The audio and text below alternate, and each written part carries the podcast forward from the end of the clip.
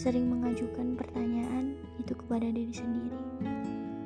Belajar mengakui kalau lagi kepayahan, lagi ketakutan, lagi khawatir, lagi kecewa, bahkan lagi marah. Namun, di sisi lain, sedang belajar juga agar segala bentuk fluktuasi emosi tidak menyakiti orang lain.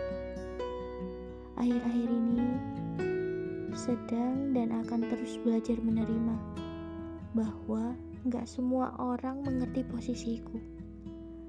Apa yang sudah aku lalui, apa yang lagi aku hadapi di depan, dan apa yang sedang bertarung dalam pikiran. Akhir-akhir ini sering meminta doa dan semoga doa itu terus melekat dalam tiap langkah. Doa agar merasa cukup atas apa-apa yang sudah dipunya. Belajar syukur dalam semua keadaan. Belajar sabar atas apa-apa yang mengesalkan. Belajar baik sangka atas apa-apa yang ditunda. Belajar maaf atas apa-apa yang membuat luka dan belajar berdamai atas kesalahan yang sudah-sudah. Aku tahu ada beberapa orang yang diberi kelebihan untuk bodoh amat dengan keadaan.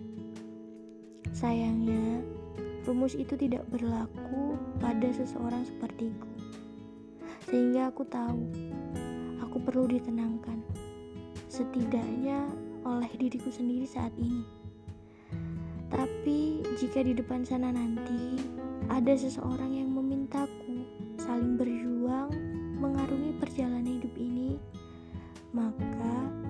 harus aku pastikan dengan seakuratnya. Apakah dia seorang yang bisa menenangkanku atau malah membuat segala hal dalam diriku jadi berantakan hingga jungkir balik?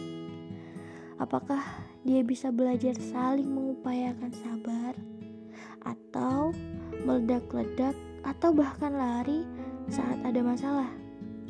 Apakah dia bisa belajar menjaga kehati-hatian bicaranya, atau malah membentak-bentak saat dihujani amarah? Apakah dia bisa mengupayakan terbuka berbagi cerita tanpa perlu aku meminta-minta? Apakah dia bisa menjaga harga percaya yang tidak bisa dibeli dengan nilai atau nilai apa pun di dunia ini?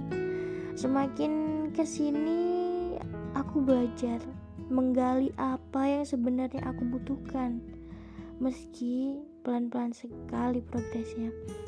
Tak apa ya diri, semakin ke sini aku belajar bahwa mencapai suatu mimpi untuk tergenapi tidak semudah menggantungkan angan-angan.